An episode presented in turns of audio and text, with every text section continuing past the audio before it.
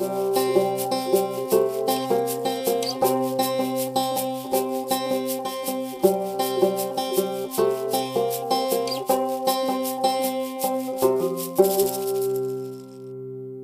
Kruki Pictures.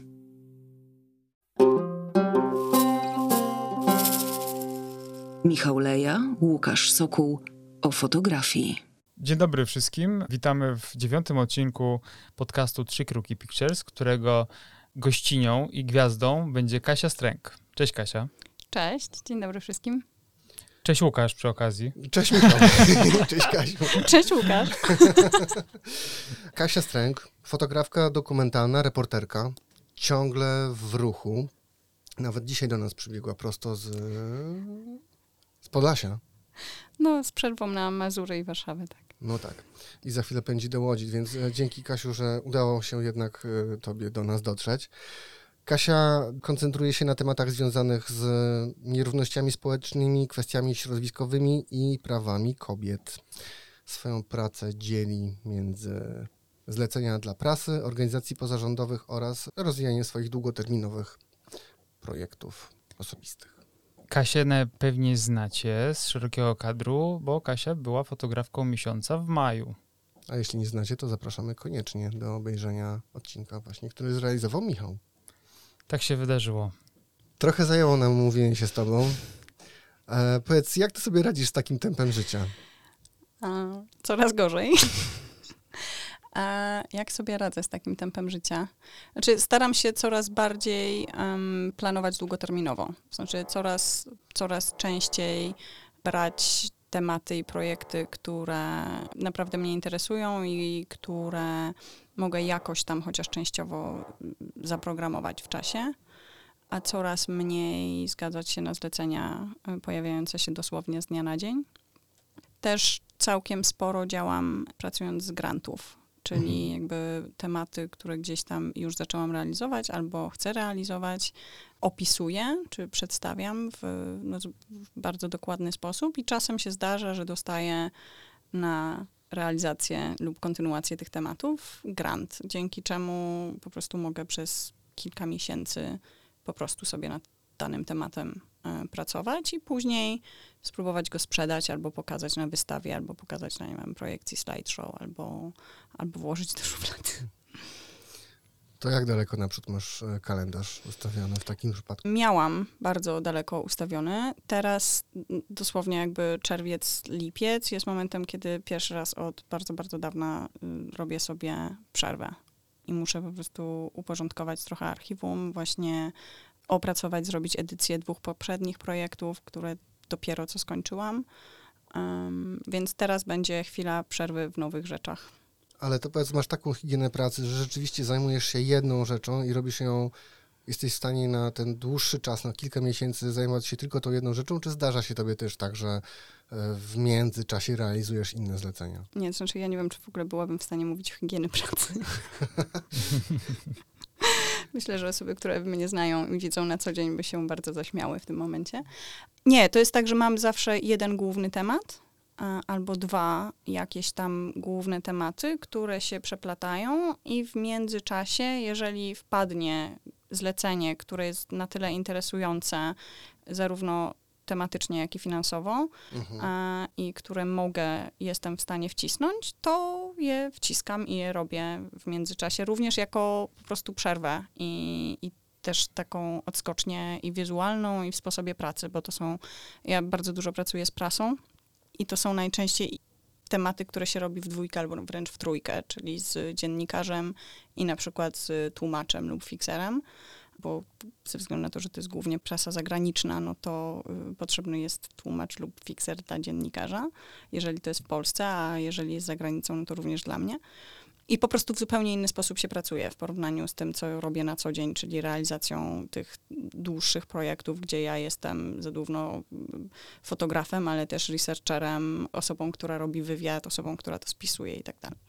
To może do tego jeszcze za chwilę wrócimy i więcej nam opowiesz o tym, jak wygląda twój research i praca nad twoimi materiałami, ale zostajmy trochę przy tym, przy tych zleceniach prasowych. To powiedz trochę więcej, jak wygląda realizowanie takiego zlecenia, no nie wiem, w jakimś dowolnym miejscu na świecie. No w takim jakimś hardkorowym jak Polska na przykład. Znaczy, wiesz co, ja bardzo dużo pracuję w Polsce. W sensie mnie bardzo dużo, nawet teraz przyleciałam dla francuskiego magazynu.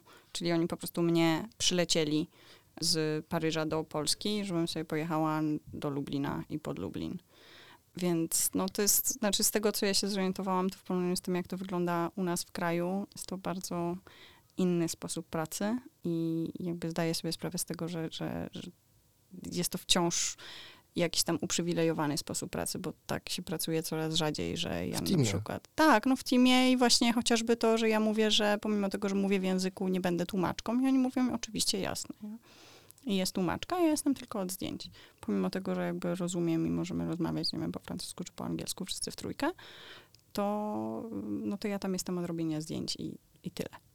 A jak wygląda A. przygotowanie do takiego zlecenia? Znaczy to zależy od długości zlecenia. Jeżeli to są jakieś tam kilkudniowe, kilkudniowe materiały, no nie wiem, tak jak ten, który teraz robiliśmy, tak, to było o strefach wolnych od tak zwanej ideologii LGBT. To jest temat, który ja zaczęłam robić sama w lipcu zeszłego roku, bo y, no, po prostu zobaczyłam też, co się dzieje. Mam akurat, mój brat cioteczny jest gejem, więc ja doskonale wiem, jak, jak to wygląda dla osób z tej społeczności. Um, I po prostu sama zaczęłam robić materiał, byłam tam, wyjechałam z jednym z aktywistów, porobiłam zdjęcia i poznałam ludzi. Wtedy jakoś nikt nie był zainteresowany, ponieważ było tego za dużo w tamtym okresie, po prostu dostawałam same zwroty. Natomiast teraz byłam najpierw w kwietniu, pod koniec kwietnia dla New York Timesa, nie, przepraszam, pod koniec marca dla New York Timesa i teraz znowu właściwie w podobnych miejscach dla, e, dla ga- magazynu Kozet francuskiego. Przygotowanie wygląda tak, że rozmawia się z dziennikarzem, po prostu my się umawiamy na telefon, rozmawiamy przez, nie wiem, 20 minut wcześniej o tym, czego on by chciał, o tym, co ja mu sugeruję, co ja myślę, że może być ciekawe, ile czasu na to będzie potrzeba. Później właśnie rozmowa jest też z, z fikserką, która, która to organizuje i też na bieżąco się zastanawiamy, jadąc już, będąc w trasie, czy tego potrzeba, czy tego nie potrzeba, co ja już ewentualnie mam, bo to jest jakby wracając, ja coraz częściej staram się robić tak, że jeżeli jest temat, który mnie interesuje, to chociażby takimi właśnie mniejszymi zleceniami, ja go sobie robię. Pogłębiasz to cały Tak, czas. po prostu cały czas to pogłębiam, ale jednocześnie będąc na zleceniu, które nie jest zleceniem dwu czy trzytygodniowym, tylko trzydniowym na przykład. No ale jednak ja tam nie jadę na własny koszt, mam za to płacone, e, Mhm. mam z tego od razu publikacje, poznaję nowych ludzi, nie ja załatwiam spotkania, więc jest to Luksus. wygodne, tak. No i tutaj też tak było, no, ale, ale dzięki temu no, to jest temat, który ja znam, więc ja mu też podpowiedziałam, że spotkaj się koniecznie z tym, tym, tym i tym, a z tego na przykład nie musimy się z nim widzieć na wywiad teraz, ty możesz z nim pogadać przez telefon, no bo jednak jest też COVID, wciąż nie wszyscy chcą się spotykać, a ja już mam jego zdjęcie, bo zrobiłam, nie wiem, kiedyś tam, nie? Także tak. A jak się różni praca dla magazynów tych europejskich, bo pracujesz dużo dla francuskich magazynów, dla brytyjskich, od pracy dla prasy amerykańskiej na przykład. To odczuwasz taką różnicę, czy już dzisiaj w tym świecie wszystko jest Nie, ustandaryzowane? Nie, to bardzo zależy, to raczej hmm. sama praca nad materiałem w trakcie nie ma różnicy. Różnica jest, jeżeli chodzi o organizację tej pracy. No właśnie. E, to znaczy jednak, jednak Amerykanie wciąż mają większe budżety. Mhm. E, Nie trzeba tam dyskutować o tym, że ja potrzebuję samochód i muszę ten samochód wynająć i ja samochodu nie mam, w związku z powyższym muszą, jakby nie ma w ogóle dla mnie coś, co było szokiem i wciąż jest szokiem jakby przepraszam, jeżeli urażę tutaj osoby, które tutaj siedzą i tu pracują, ale jak ja usłyszałam, że e, jadąc gdzieś w Polsce na zlecenie chociażby komercyjne, fotograf sam płaci sobie za hotel, to, to dla mnie to jest nie do, znaczy, przepraszam, ale dla mnie to jest praca, którą ja wykonuję i nie mogę kwoty, którą zarabiam, jeszcze odkładać na to, że dojadę. Ja jestem przyzwyczajona bardziej do no. tego, tak, że co więcej, dni, dni dojazdu są liczone jako połowa dnia Mhm. pracy. No bo to jest czas, który ja nie mogę poświęcić na jakąkolwiek inną pracę. Jakby to jest zarówno w- generalnie we wszystkich, z każdym tytułem, z, każdym, z którym pracowałam, to chociażby dojazd i hotel i wszystkie obiady, śniadania, kolacje są zbudżetowane i są płacone dodatkowo, oprócz oczywiście pensji. No więc dla mnie to było bardzo dużym zaskoczeniem. Nie wiedziałam, że tak to może być. A, a, no ale ja też wyjechałam bardzo wcześnie i, i właściwie teraz wracam do Polski, bo wracam, mm, ale wracam też z, na innej trochę pozycji. No. Bo y, mieszkasz w Paryżu. Tak. I w Paryżu masz Powiedzmy. też kontakt, y, no tak, stamtąd startujesz y, we wszystkie miejsca, do których podróżujesz i tam też y, kontaktujesz się z tymi wszystkimi materiałami. Dla nich jesteś fotografką z Polski, czy jesteś specjalistką może taką kosmopolityczną od tego regionu, jakim jest Polska i Europa Środkowo-Wschodnia? Mm, Myślę, że nawet nie tylko Europa Środkowa-Wschodnia. Myślę, że ja też zaczynam być, jak, jakoś tak wyszło, specjalistką od trudnych tematów. E, I po prostu od tematów takich, które Troubleshooter. są... Trochę tak, chyba trochę tak. Bo, no bo zrobiłam, czy robię cały czas materiał na temat, który po pierwsze jest tematem tabu, a po drugie jest przede wszystkim bardzo trudny do sfotografowania. Czyli Czyli tak, e, czyli materiał o prawach reprodukcyjnych i dostępie do aborcji w krajach, w których ta procedura jest albo bardzo silnie, jakby są bardzo duże restrykcje, albo całkowicie nielegalna. Czyli no, oznacza to, że osoby, z którymi ja się spotykam, e, im grozi no, w najlepszym wypadku e, marginalizacja społeczna, ale raczej po prostu prawnie więzienie, utrata możliwości wykonywania zawodu lub nawet śmierć nie wiem, w takich krajach jak Egipt, gdzie cały czas funkcjonuje honor crime, jak się mówi, Mhm. e, zbrodnia Zabójstwo honorowa, honorowe, tak, tak. zabójstwo honorowe.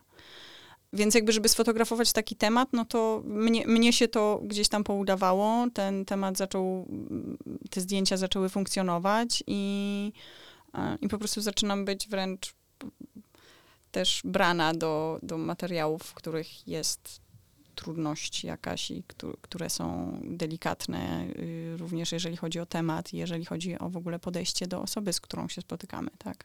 Czyli o sposób przeprowadzenia rozmowy, sposób przeprowadzenia wywiadu, sposób pokierowania w momencie samych zdjęć i, portretowania i tak dalej. No a oprócz tego to tak, no jakby jestem mm, specjalistką od Polski, a ostatnio w Polsce jest co robić. No więc mnie tutaj tak wysyłają. twoja poprzednia wizyta w Polsce była półroczną wizytą. No. E, Zniknęłaś później na dwa miesiące i teraz wróciłaś. I to jest e, dla ciebie też kontynuacja pewnych e, tematów, pewnych wątków, które wtedy rozpoczęłaś?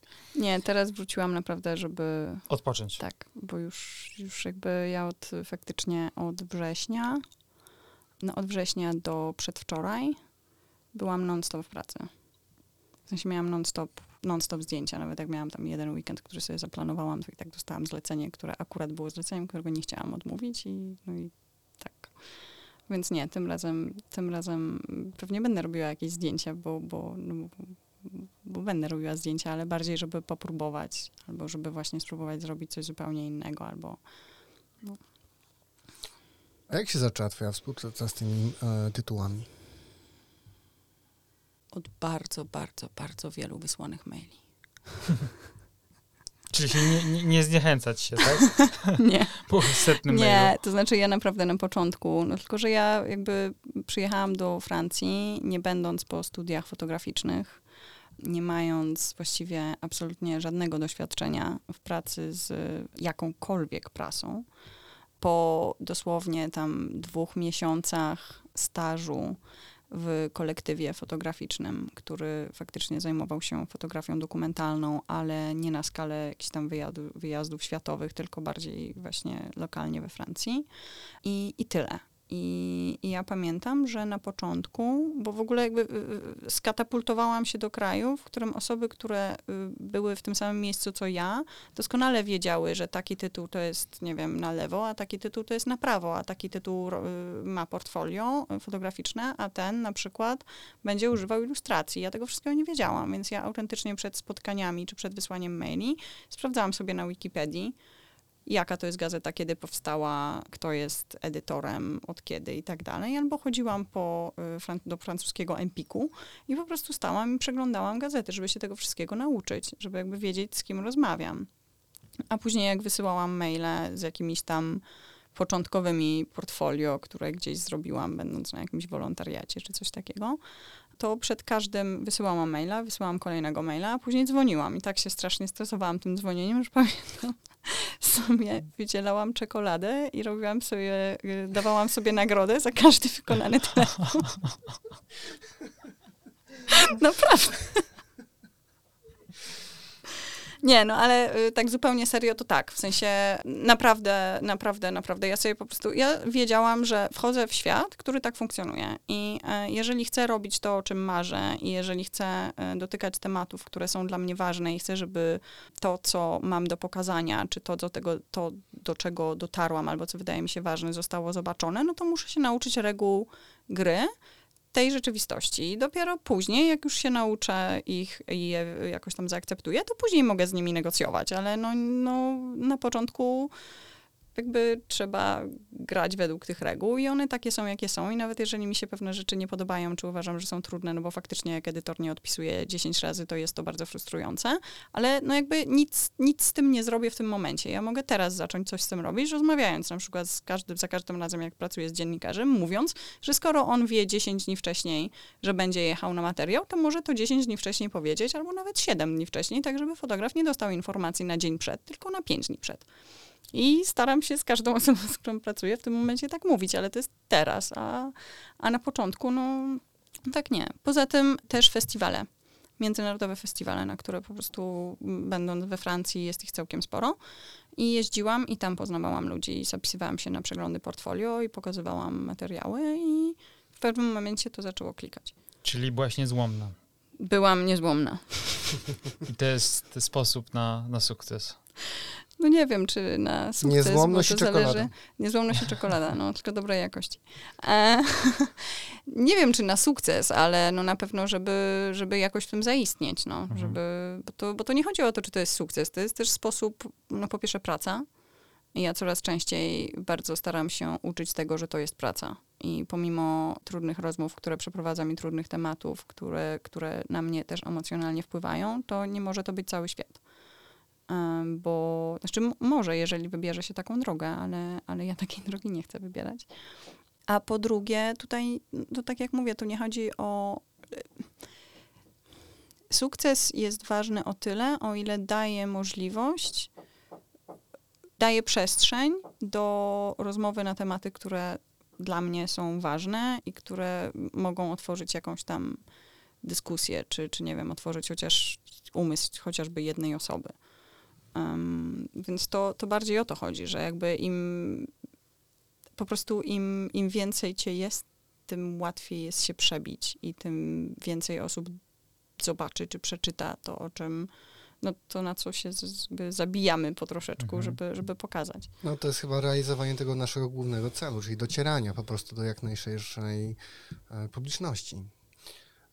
A te cudowne dźwięki w tle dzisiaj są sponsorowane przez ekipę remontową, Tak jest. niezłomną. Tak, y, ekipa jest niezłomna, e, ale mam nadzieję, że wyjdzie to wszystkim na dobre, bo dba o wygląd wizualny naszego miasta stołecznego Warszawy, więc wybaczcie nam za to stukanie i wiercenie. To nie jest burczenie w brzuchu Michała, to jest, to są wiertary. Dobrze, wracamy do Paryża. Tam też są remonty. Ja kocham Paryż. Odwiedzam go jak tylko mogę. Okay. Nawet razem z Michałem byliśmy że dwa czy trzy lata temu, ale powiedz, ty tam wyjechałeś po prostu z taką myślą, że jadę do Paryża, wyjeżdżam do Francji i tam rozpoczynam pracę jako fotografka. Nie, absolutnie nie. Ja, em,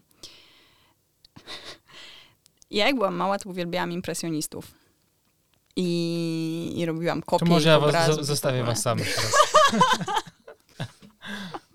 Nie, no dobra, no. Zostań, zostań. W każdym razie nie, serio.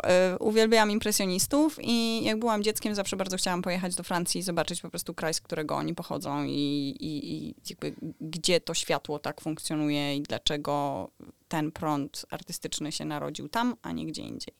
I w liceum pojechałam pierwszy raz i zakochałam w tym mieście. Oczywiście to zakochanie mi trochę minęło, jak zaczęłam tam faktycznie mieszkać i funkcjonować. E, ale, e, ale sprawiło to, że chciałam się nauczyć języka. I Jak się nie dostałam pierwszy raz na Akademię Sztuk Pięknych, to po prostu poszłam na filologię i przez półtora roku studiowałam na filologii, żeby się nauczyć francuskiego. I później wyjechałam Jeszcze na? Erasmusa. Tak, Mhm. tak, bo ja się uczyłam tutaj. Później wyjechałam na Erasmusa, już będąc na ASP. Też poznałam chłopaka, który był Francuzem i to też bardzo pomogło. Ciągle wokół Przeprowa- miłości. w przeprowadzeniu, trochę tak, ale w przeprowadzeniu się. No a później, a później jak już tak już zupełnie serio, jak e, z większą świadomością tego, co chcę robić i, i w jaki sposób, to wielokrotnie zadawałam sobie pytanie, gdzie w tym momencie w Europie będzie mi najłatwiej dalej się rozwijać. I jak na razie odpowiedź zawsze brzmi Francja.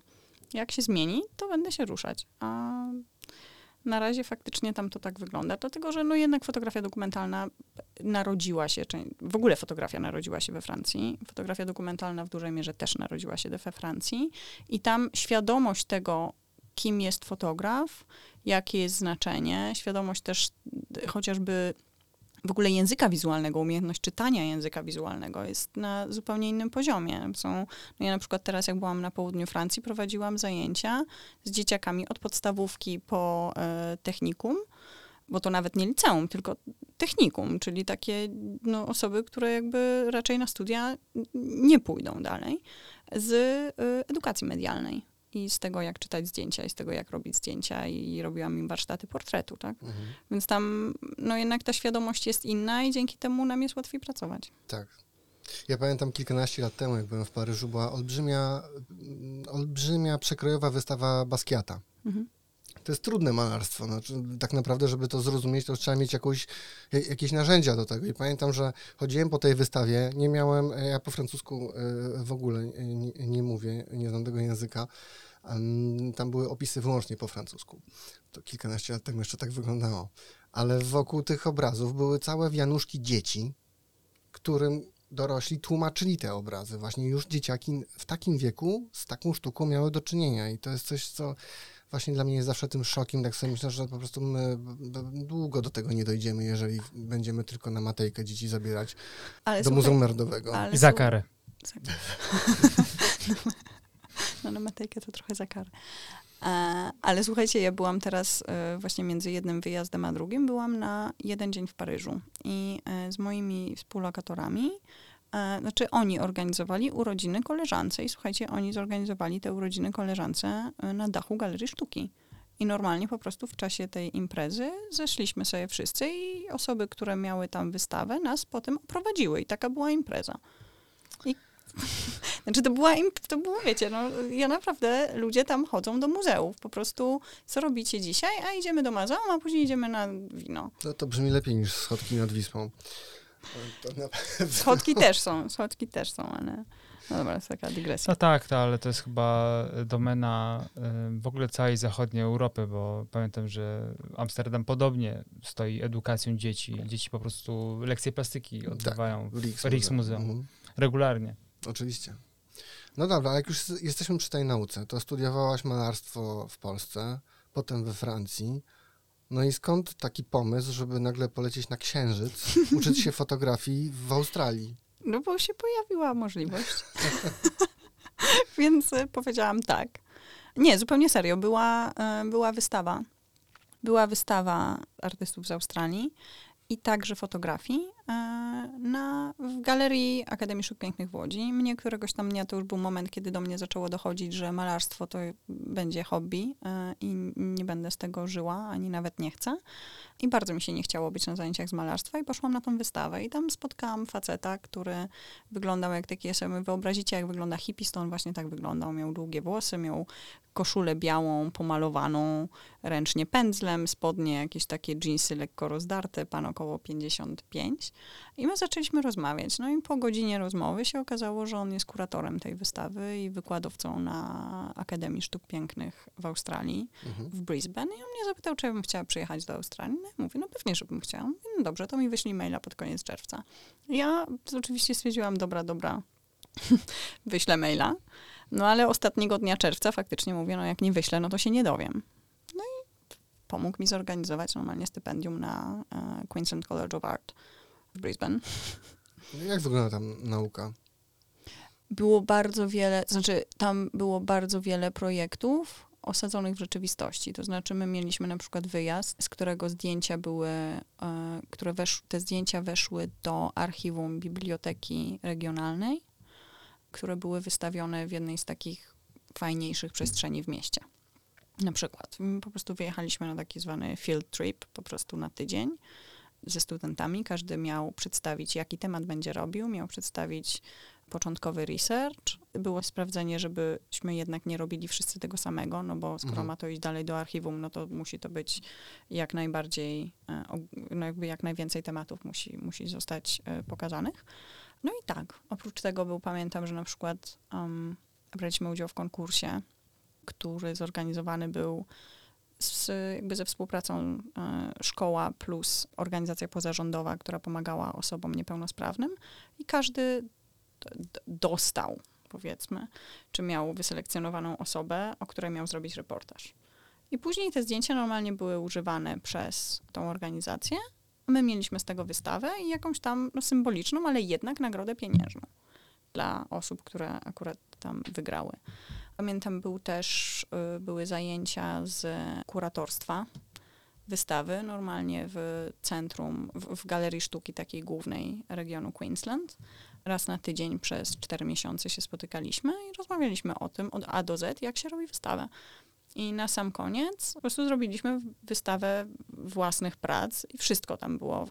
Po prostu od tego, w jaki sposób to wy- wywołujemy, jak wieszamy na ścianach, jak robimy opisy, jak fotografujemy wystawę, jak ją prezentujemy, jak robimy afisz, um, poster, plakat, Plakaty, przepraszam mhm. bardzo.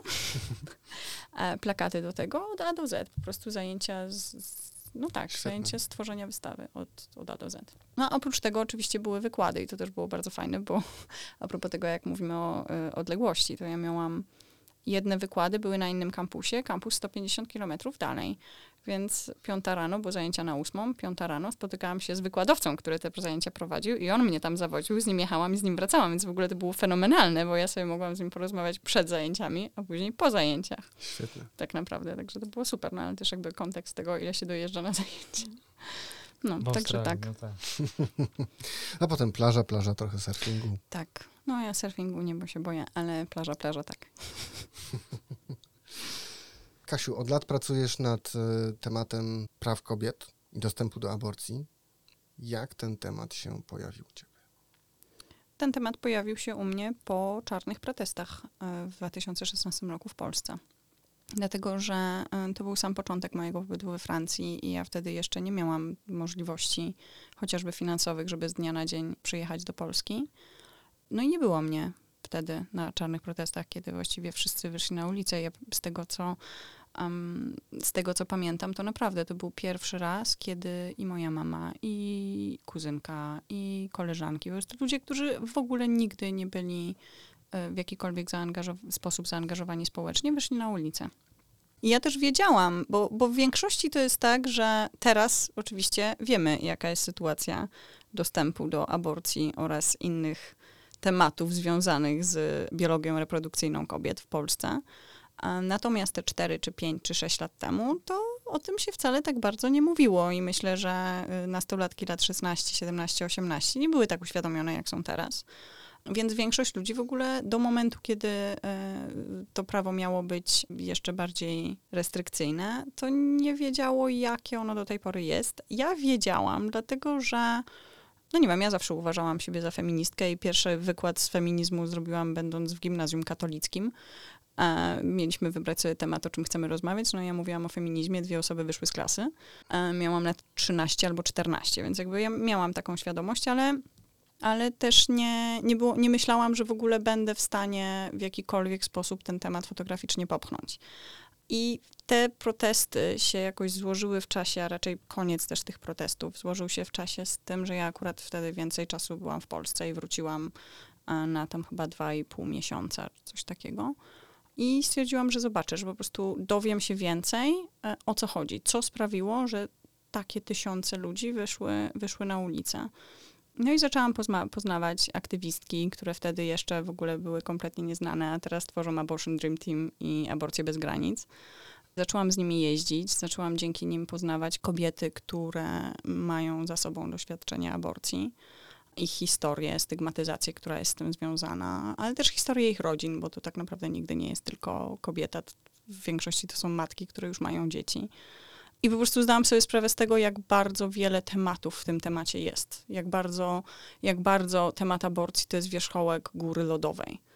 I jak wiele y, innych rzeczy, nie wiem, typu edukacja seksualna oczywiście, dostęp do antykoncepcji, w ogóle świadomość kobiet, że mają prawo do tego, żeby zapłacić ginekologowi 200 zł czy 150 zł za wizytę, żeby dostać tabletki antykoncepcyjne, bo to do tego stopnia jest, że kobiety nie dają sobie nawet tego prawa. Może teraz już trochę bardziej, ale 4 lata temu czy 5 lat temu nie. Ja mam, rozmawiałam z takimi kobietami w Warszawie, więc to jakby nie mówimy tutaj o mniejszej miejscowości y, gdzieś tam na Podkarpaciu, tak? I, I, zaczęłam też patrzeć, jak to wygląda na świecie. To się też połączyło wtedy z warsztatami agencji NUR, w których wzięłam udział, właśnie z, z początkiem samiuteńkim tego materiału polskiego. No i tam mnie bardzo popchnęli. Akurat później wyjeżdżałam na Filipiny, e, gdzie już byłam rok wcześniej i tam znałam sporo osób na Filipinach. Filipiny też są krajem jednym z kilkunastu najbardziej restrykcyjnych pod tym względem na świecie, gdzie w ogóle, a propos antykoncepcji, e, antykoncepcja e, taka nazywana współczesną, czyli mm, współczesnymi metodami, jest tam legalna od 2012 roku. Od 2012 roku jest prawo, które zezwala na importowanie tabletek antykoncepcyjnych. Więc jakby o czym, o czym my mówimy. No. Im, im, Im więcej osób poznawałam, im bardziej zdawałam sobie z tego sprawę, tym bardziej czułam też w sobie jakiś taki imperatyw, żeby o tym mówić, chociażby jako młoda kobieta, która no, ze względu na tak naprawdę nawet nie kraj, jak aktualnie widzimy, w którym się urodziłam, ale bardziej możliwości, chociażby wyjazdowe, znajomość języków, edukację. Jestem uprzywilejowana pod tym względem, bo rzeczy, które tym kobietom się wydarzają, mnie się nigdy nie przydarzą. Nawet jeżeli się okaże, że zajdę w ciążę i, i, i, no i płód nie, nie będzie mógł się urodzić zdrowy, ani nawet żywy, to ja będę miała możliwości takie, jakie niektóre kobiety mają znacznie trudniej. Także stąd się wzięło. Ale to na samym początku ten materiał traktowałaś go bardziej lokalnie, czy wiedziałaś, tak. że to będzie.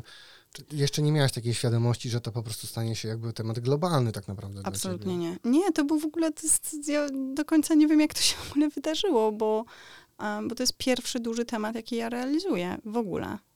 Jakby ja to robię od ponad 4,5 roku, a zdjęcia tak naprawdę w jakikolwiek świadomy sposób robię od 7. Więc, y, więc nie, nie, nie, absolutnie nie myślałam, że. Ja pamiętam na samym początku, jak robiłam, jak miałam pierwsze spotkania tutaj w Polsce te 4,5 roku temu, to szefowa jednej z dużych organizacji powiedziała mi, żadna kobieta nie zgodzi się na zdjęcie. No. Ale zgadzają. No zgadzają się teraz, to już w ogóle się zgadzają. To jest to, jak, to, jak świadomość się zmieniła w ciągu 4,5 roku w Polsce, to ja nigdy, nigdy w, w czegoś takiego nie widziałam. To daje bardzo dużo nadziei tak naprawdę tak, na zmianę, bo to jest niesamowite. No ja naprawdę z dziewczynami, które są teraz w e, Aborcji Bez Granic, jeździłam na pierwsze zjazdy, gdzie jeździłyśmy pociągiem, nocowałyśmy w hostelu y, cztery osoby w jednym pokoju i spotkania były na strychu, a przed budynkiem, gdzie był ten strych, stała manifestacja antyaborcyjna ze zdjęciami rozszczepionych płodów. Także tak wyglądały pierwsze, pierwsze spotkania, a teraz, no kilka miesięcy temu, numery były wszędzie jakby już nikt w ogóle nie, no wiadomo, że one są i, i w ogóle nie ma dyskusji. Każdy, każdy w tym momencie w kraju słyszał, czy się z tym zgadza, czy się z tym nie zgadza, no to przynajmniej o nich słyszał. Nie, nie ma innej opcji no, po ostatnich wydarzeniach. Nie planowałam, żeby ten temat był tematem globalnym, natomiast wydaje mi się, że to jest temat tak uniwersalny i on jest tak bardzo tematem tabu, właśnie niezależnie od tego, na jakiej szerokości geograficznej czy w jakiej, w jakiej grupie kulturowej e, na ten temat dyskutujemy. I okazuje się, że właściwie powody i konsekwencje restrykcyjnego prawa aborcyjnego dotykają i kobiet, i ich rodzin, mężów, dzieci, społeczności na całym świecie. I po prostu codziennie jest ponad 160 kobiet, które umiera z, ze względu na brak dostępu do legalnej i bezpiecznej aborcji, która i tak się dzieje. To znaczy to, czy my się z tym zgadzamy, czy się z tym nie zgadzamy, niczego, niczego nie zmienia. Wręcz przeciwnie, badania pokazują, że kraje, które mają bardziej liberalne prawo, mają również paradoksalnie mniejszą ilość tych procedur, dlatego że lega, legalizacja prawa aborcyjnego najczęściej idzie razem z e, większym dostępem do antykoncepcji, z e, wzmocnioną świadomością, z edukacją seksualną, z refundacją, z e, refundacją tabletki dzień po i tak dalej, i tak dalej, i tak dalej. I po prostu jakby kobiety mają, kobiety rodziny mają większą sprawczość dzięki czemu nie muszą się uciekać do rozwiązań, które albo niszczą im psychikę, bo stygmatyzują je tak bardzo, że one nie mogą nawet swojej rodzinie najbliższej czy przyjaciółce powiedzieć y, o ważnych wydarzeniach w, im, w, ich życiu, tak naprawdę. E, no albo po prostu sprawiają, że umierają. Więc to jest temat uniwersalny. A fotografowałaś też takie dobre praktyki? Dobre w cudzysłowie, znaczy taki standard, wiesz, właśnie tak, jak to powinno wyglądać kraje, gdzie jest ta edukacja rozwinięta, gdzie jest dostęp do tego wszystkiego. Wiesz co, ja nie wiem, czy są takie kraje. A nawet te zachodnie? No słuchaj, teraz robiłam materiał we Francji. I, I kobieta, która ma siódemkę dzieci, jest migrantką, przy siódmym porodzie mówi, że ona już nie chce, że ona chce, żeby jej podwiązali jajowody, a w szpitalu jej odmawiają bo nie mówi dobrze po francusku i musi dopiero wracać z jakąś tam e, osobą, która jej pomaga, żeby zmusili, żeby jednak, skoro ona sobie to życzy i ma już siódemkę dzieci, to żeby jej to zrobili jednak. Na przykład. Rozmawiałam z dziewczyną, która miała, która właśnie miała aborcję i która też nawet przez osobę, która teoretycznie była po to, żeby jej pomóc, została może nie bezpośrednio, ale nazwana nie będę tutaj używała mhm. Epitetów, ale skoro może sobie łyknąć e, e, e, shot jeden za drugim na imprezie, to może też łyknąć tabletki bez problemu. Na przykład. Więc tak naprawdę to, to, to, jest tem, to są tematy bardzo stygmatyzowane. To jest naprawdę niesamowite. Więc oczywiście prawo prawem, a dostęp dostępem, a potem dyskusje na ten temat i i ja oczywiście nie mówię tylko o aborcji, tylko mówię generalnie o tematach dotyczących biologii i, i, i rozrodczości kobiet. No. A gdzie było najtrudniej? Słucham? Gdzie było najtrudniej? Nie wiem. Nie wiem, bo to jest bardzo trudne w porównywaniu, dlatego że mm, ja ten temat realizuję na dwóch płaszczyznach. Pierwsza to jest cały kontekst, czyli to, co nam właśnie opowiada o nie wiem, o religii w danym kraju, o sposobie życia, o tym, jak kobiety funkcjonują na rynku pracy, o wszystkich jakby tematach, o właśnie dostępie do edukacji, do antykoncepcji, o nie wiem, życiu w slumsach itd., tak itd. Tak A z drugiej strony spotykam się z kobietami lub rodzinami, które niezależnie od powodu mają za, się, za sobą doświadczenie aborcji lub poronienia. I te historie krajach, w których ja pracuję, czyli w krajach, w których to jest nielegalne i bardzo stygmatyzowane, no są cholernie trudne. I, i, i one są cholernie trudne dla tych osób. Nawet jeżeli decyzja nie była trudna sama w sobie, to doświadczenie całościowe było trudne i stygmatyzujące. Minimum. Więc trudno jest wartościować, co jest trudniejsze, co jest mniej. Wydaje mi się, że no te kraje typu Egipt czy Salwador, w których oprócz tematu samego w sobie. No, samo funkcjonowanie jest trudne, no bo w Salwadorze nie można za bardzo nigdzie chodzić, bo ja faktycznie widziałam ludzi, którzy biegali z bronią przed moim domem. Może nie przed moim domem, ale tam, no nie wiem, 200 metrów dalej. I nie do końca wiadomo, na którą ulicę możesz wejść, z aparatem fotograficznym to już w ogóle. No, no na pewno będzie to trudniejsze niż, nie wiem, praca w Dublinie, tak? Ale, ale rozmowy, wydaje mi się, że to, to, dla mnie to najtrudniejsze są te rozmowy, a te rozmowy mhm. wynikają z doświadczenia, dość trudno jest y, stopniować takie doświadczenia. No. no. a czy są takie miejsca, które są cały czas niedostępne? W jaki sposób niedostępne? No właśnie, że masz utrudniony dostęp, że masz, e, chcesz zrealizować gdzieś zdjęcia, ale z jakichś przyczyn tam po prostu... Ale to całość jest taka. Znaczy cały ten temat, to jest, ja mówię, że ja, ja y, moja praca polega na y, przekonywaniu ludzi, którzy nie chcą ze mną rozmawiać, żeby rozmawiali ze mną na temat, na który nie chcą rozmawiać. No jakby to jest non-stop. To jest non-stop. To jest, na nie wiem, na 20 umówionych spotkań jedno, dwa dojdą do skutku i to niezależnie od, y, od kraju. No teraz byłam, e, teraz byłam we Francji, tak, czyli Zachód liberalny, mają prawa Simon Weil 73 czy 75, przepraszam, nie pamiętam, chyba 75. No i dotarcie jeszcze teraz w okresie covidowym do kogoś, kto mi opowie, jakie jego jest doświadczenie właśnie związane z aborcją, jest w ogóle nie do, nie do przejścia. Albo nawet, nie wiem, już nawet nie mówimy o aborcji, ale ja teraz robiłam temat o przemocy domowej i naprawdę nie przesadzam. Kilka z bohaterek, ja nie jestem pewna, czy one jeszcze będą z nami na wystawę, która jest zaplanowana na listopad.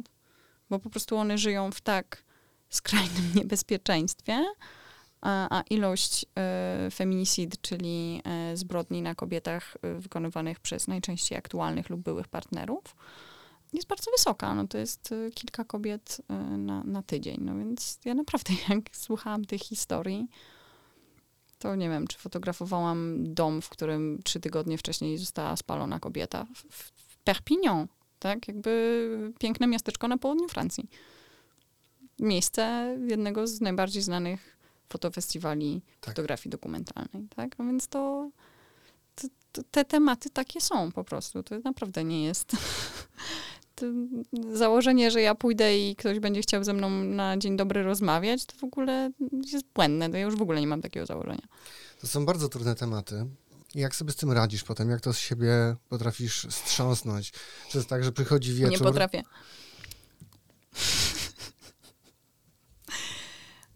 Nie no, uczę się, no uczę się, muszę się nauczyć. Muszę się nauczyć. Myślę, że to też, znaczy to może też pewnie wynika z mojego nie za dużego doświadczenia, no bo tak jak mówię, nie jestem w tej pracy od bardzo, bardzo dawna i jakoś tak wyszło, częściowo świadomie, częściowo pewnie nieświadomie, że bardzo szybko zaczęłam realizować materiały, które są trudne i które realizowałam zupełnie sama. Natomiast uczę się tego, że właśnie to, co powiedziałam na samym początku, to jest praca. I jakby ja jestem dla tych kobiet, one mi coś jakby mówią, ja staram się w momencie rozmowy zabezpieczyć je jak najbardziej mogę, żeby ta rozmowa ze mną nie była dla nich jeszcze trudniejszym doświadczeniem i żeby one nie wyszły stamtąd bojąc się, że przez to, że się ze mną spotkały, to będzie dla nich jeszcze trudniej. Natomiast bardzo się staram, żeby tego nie przekładać na dalej, bo po prostu to ma konsekwencje no nie tylko na mnie, ale też na moich najbliższych. A tak być nie może. No, praca nad takimi, przy takich tematach wymaga niesamowitej wrażliwości, ale też takich miękkich umiejętności, właśnie czy w komunikacji, czy w ogóle kontaktu z takim człowiekiem.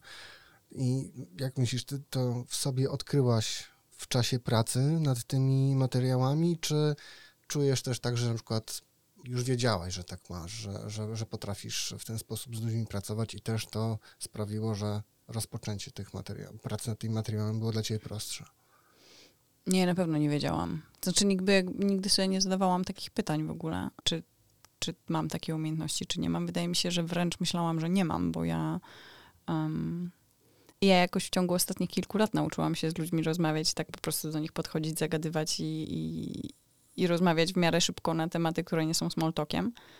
Natomiast ja byłam, no tak jak mówię, no, przed każdym telefonem czekała na mnie tabliczka czekolady, no. Czy może kostka, może nie tabliczka, może kostka, ale jednak.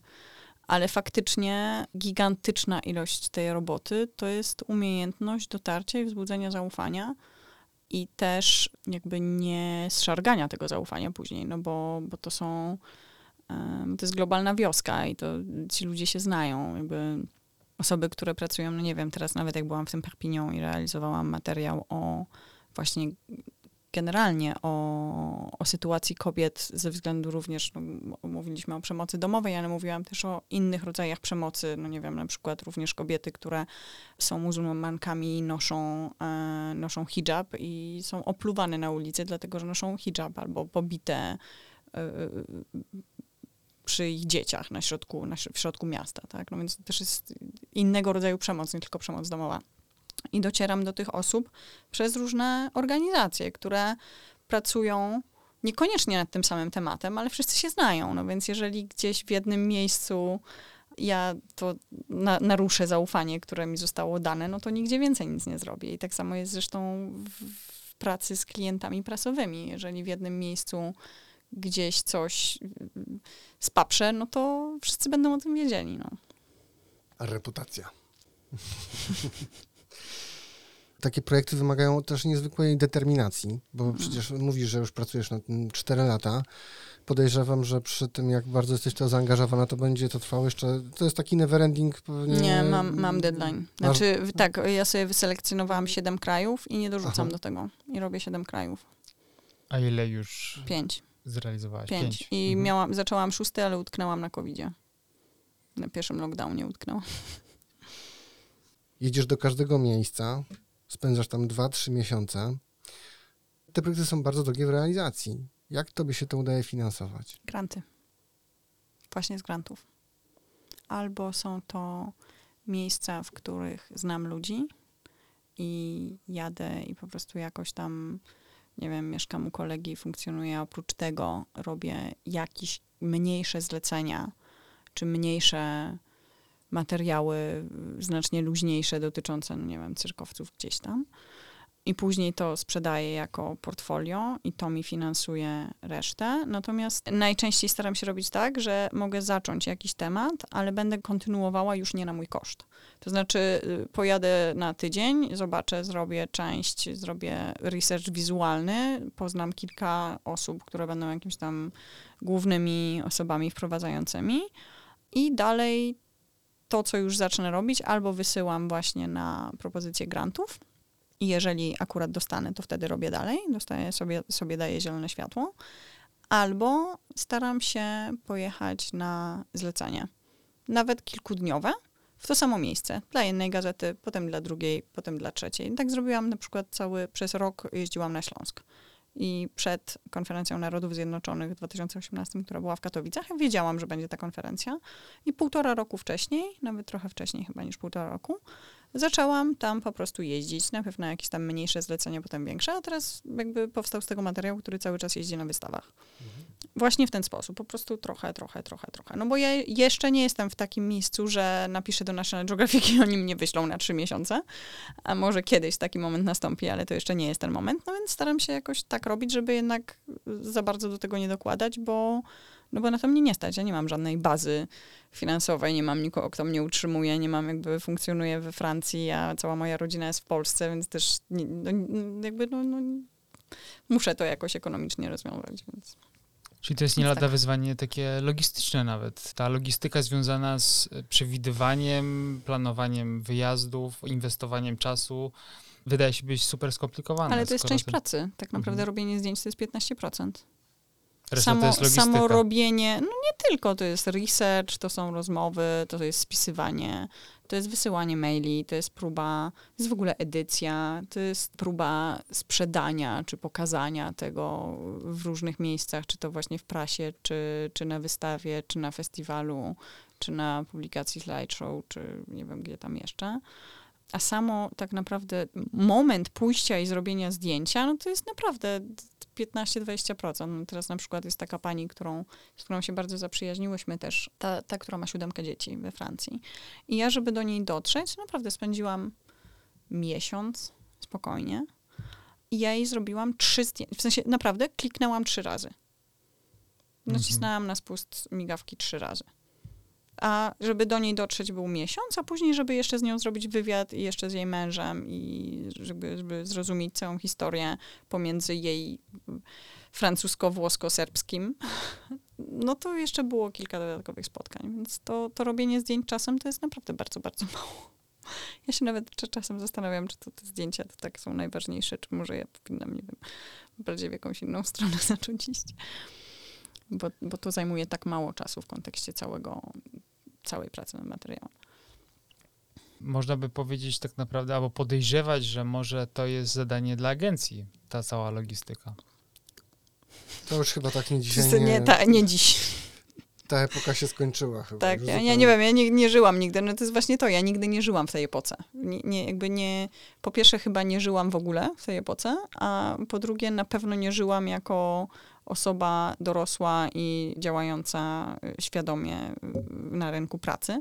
Więc ja się nawet, wiesz, ja się nawet nie zastanawiam nad tym, no bo tego nie ma. Jakby to tak nie funkcjonuje w tym momencie, więc jakby, no ja ro- rozmawiam też z osobami, które gdzieś tam mam blisko siebie i które mają pewne doświadczenia pracy jeszcze takiej, na przykład, nie wiem, na zlecenia naprawdę magazynu, gdzie jesteśmy zatrudnieni, albo, albo właśnie jakiejś tam agencyjnej i no i widzę, że jest między nami różnica pojmowania, no tylko, że ja, mnie w tym nie było. Ja weszłam, ja, ja wiem, co chcę robić, wiem, po co chcę to robić, wiem, co by mi się idealnie wymarzyło i w jaki sposób i na jakich zasadach. I staram się zrozumieć reguły gry, które są teraz. Teraz jest tak, że żadna agencja ci tego nie ogarnie.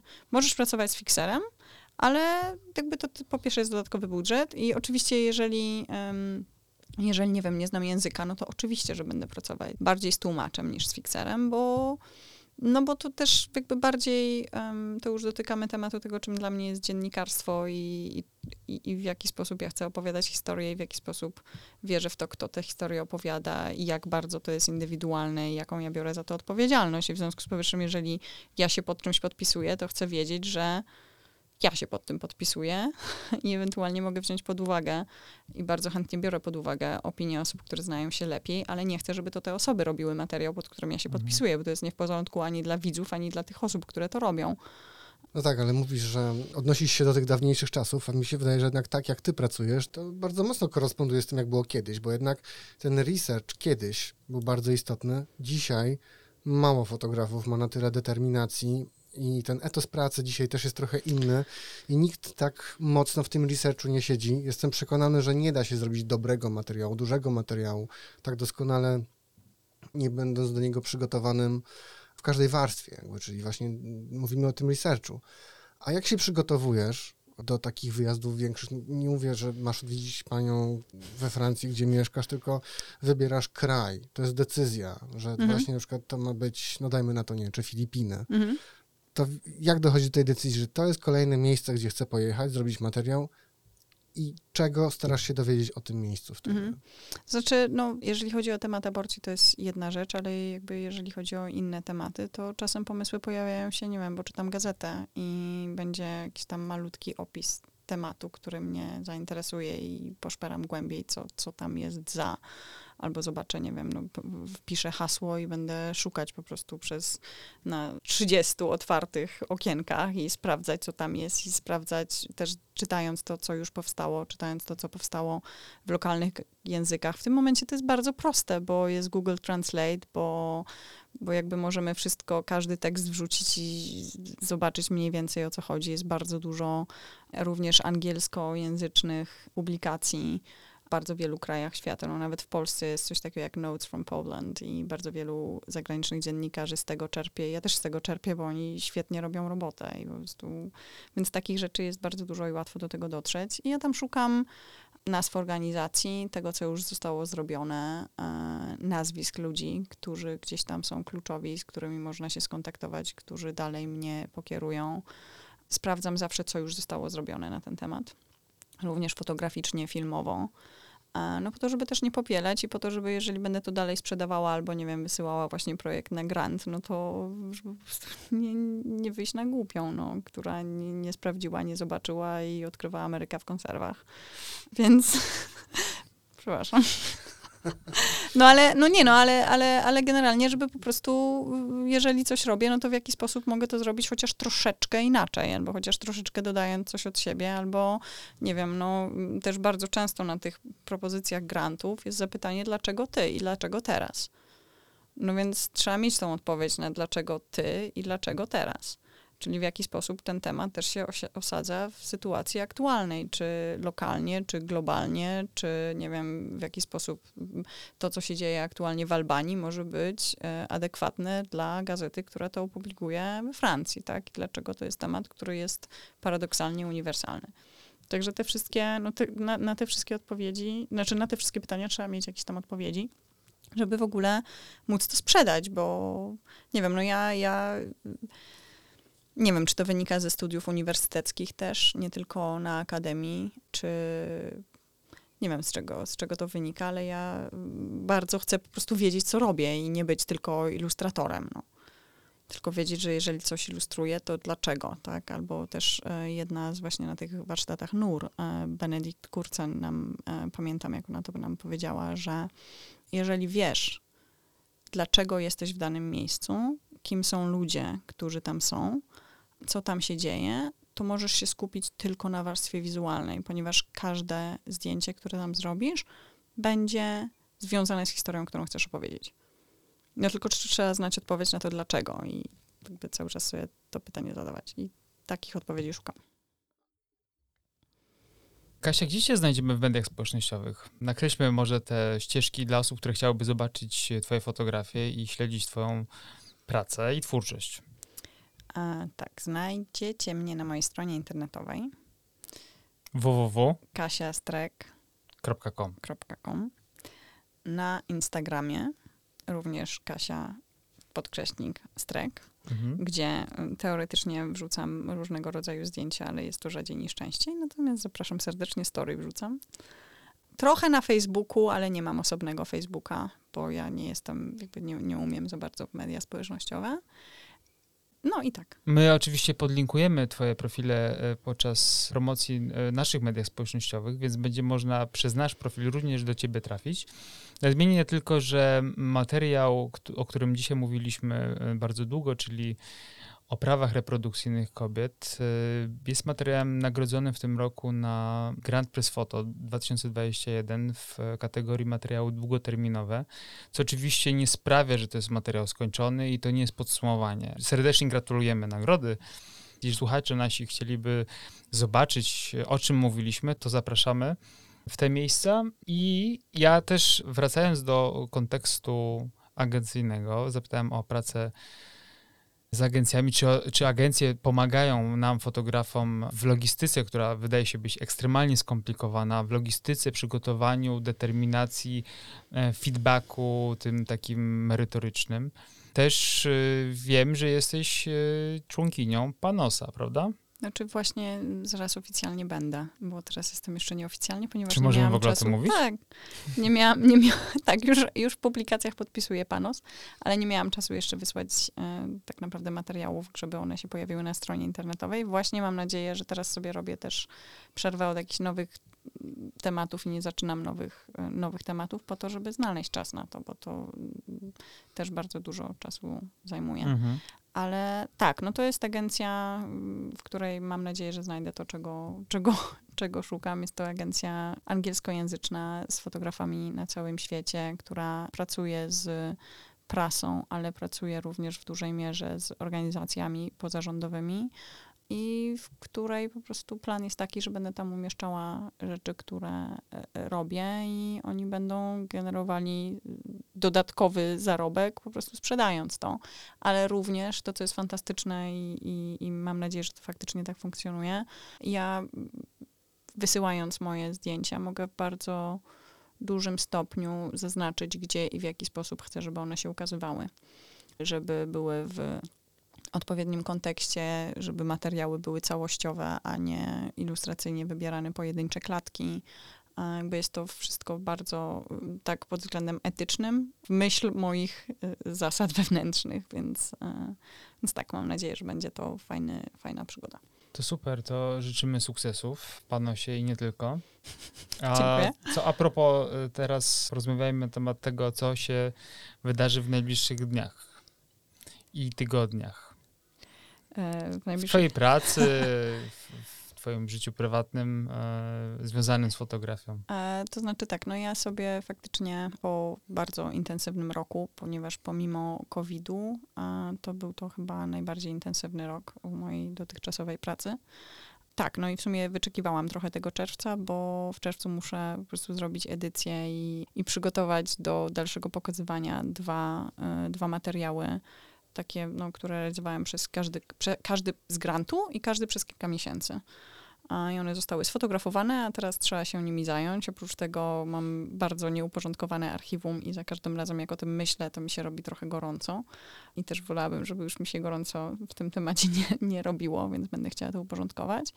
A poza tym też planuję faktycznie po prostu spędzić trochę czasu w naturze i właśnie tak jak mówiłam, nauczyć się może chociaż trochę jeździć konno, bo o tym marzę. Już sobie znalazłam stadninę i w przyszłym tygodniu jadę pierwszy raz.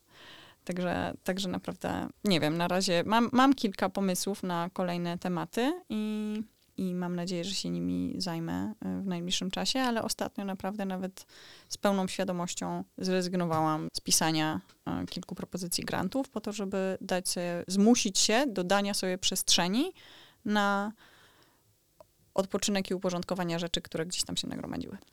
Także tak. Czyli patrząc na to, jak dużo pracujesz, y, można stwierdzić, że ciężko jest odpoczywać w tym kotującym y, mimo COVID-u świecie. No, nie wiem, no pewnie innym jest łatwo, ja nie umiem, więc muszę się nauczyć. Zobaczcie, godzinę temu zaczynaliśmy od tego, że z tą higieną pracy jest kiepsko, że nie ma jak odpocząć. No, A tutaj porozmawialiśmy sobie godzinkę i proszę, i już okazuje się, że są plany, że jest yoga, że odpoczniesz. Tak, Zapraszamy taki częściej. jest plan. Taki, Zapraszamy taki jest częściej na plan. terapię Taki jest podcastową. plan. Dziękuję. tak, polecam serdecznie. Terapię również. Kasiu, wielkie dzięki. Super inspirująca rozmowa i te wszystkie historie e, mi bardzo bliskie tak naprawdę, więc e, z olbrzymim zainteresowaniem tego słuchałem i e, tak liczę też na to, że to zainspiruje innych, jak najwięcej fotografów, fotografek do takiej wytężonej, pełnej determinacji pracy, dzięki której będziemy mieli masę doskonałych e, materiałów, że będzie ich po prostu coraz więcej, bo to niech to tak będzie, że niech rośnie świadomość pewnych problemów dzięki pracy tych fotografów niech po prostu rośnie jak największa ilość znakomitej fotografii. Życzymy wielu sukcesów, e, wypoczynku w najbliższym czasie, a, a potem oczywiście niezmienionej determinacji do pracy. Dziękuję bardzo. I czekamy Bardzo na więcej. Dziękuję. Dzięki bardzo. To były trzy kruki Pictures.